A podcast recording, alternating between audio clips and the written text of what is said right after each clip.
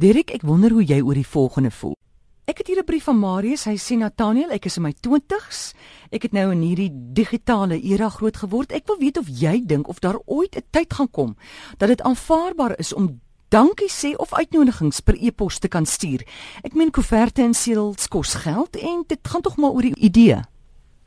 Ja, dit is lankal al aanvaarbaar. Dit gaan oor die feit dat jy wel die moeite doen en kontak maak en met die poswese in Suid-Afrika is dit eintlik die enigste opsie wat jy nog het is om 'n e-pos te stuur. Eerste word goed is nie regtig meer gepos nie. Um, en dit word nie verwag nie. Dit is wel baie mooi gebaar en ek het nog vriende wat dit doen en ek self hou daarvan wanneer ek die geleentheid kry om iets met die hand te skryf en met die hand te oorhandig of verby te ry met iemand se posbus te gooi. Want jy weet nie meer as jy iets pos in Suid-Afrika of by iemand uitkom nie.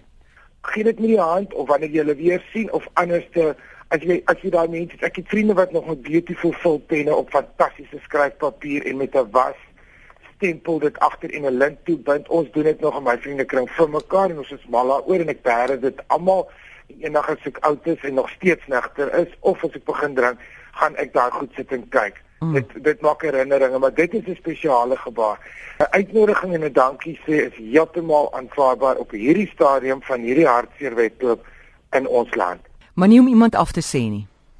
Ag, ek weet nie op hierdie stadium van my lewe as ek iemand gehad het om af te sê, sou dit al vir my so voorreg gewees het ek gee hoe dit gebeur het.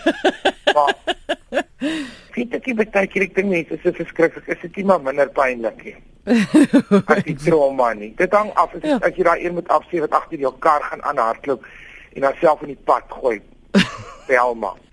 Lorinda sê, sien nou maar jy was by 'n troue en jy het 'n geskenk gegee. En jy het net nooit daai dankie sê brief of SMS of e-pos gekry nie. Kan jy dit aan die persoon noem soos in hierdie geval? Dis baie goeie vriende van ons se dogter. So kan ek dit miskien met haar ouers opper? dit is een van die goed ek weet nie wat ons in Afrikaans sê nie in Engels sê ons on you go to the higher ground you take the higher road dis hmm. van daai wie is groter in in in jou siel wie is die beter persoon by nie groep weet jare terug vir gesê met 'n geskenk en 'n liedjie is dieselfde ding. Dis is 'n weeskind as jy dit gegee het is dit verby. Ja. Daai een gaan met hom maak wat hy wil en reageer soos wat hy wil. Jy kan dit nie beheer nie. So jy gaan nie van almal hoor nie en baie keer is dit nie lelik. Bedoel nie mense is chaoties vandag. En mense is opgewonde, jy trou, jy trek in na huisie in, jy gaan oor see, jy moes dalk trou, jy die bottels is al daar twee weke na die preek. Al daai goedjies. Mense maak ook foute.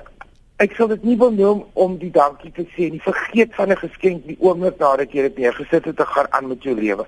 Mm. Um jy kan nie jou lewe verkort oor sulke goed nie. Maar as jy dit wil noem, jy kan byvoorbeeld aan die ouers vra toevallig moenie bel nie wanneer jy weer raak het het ek my toe gehou van die bamboestomer wat ek vir haar gegee het ek weet nie of mense daarvan hou nie dan sal die maat dit verbou hoor ek weet nie of sy dit gesê het nie.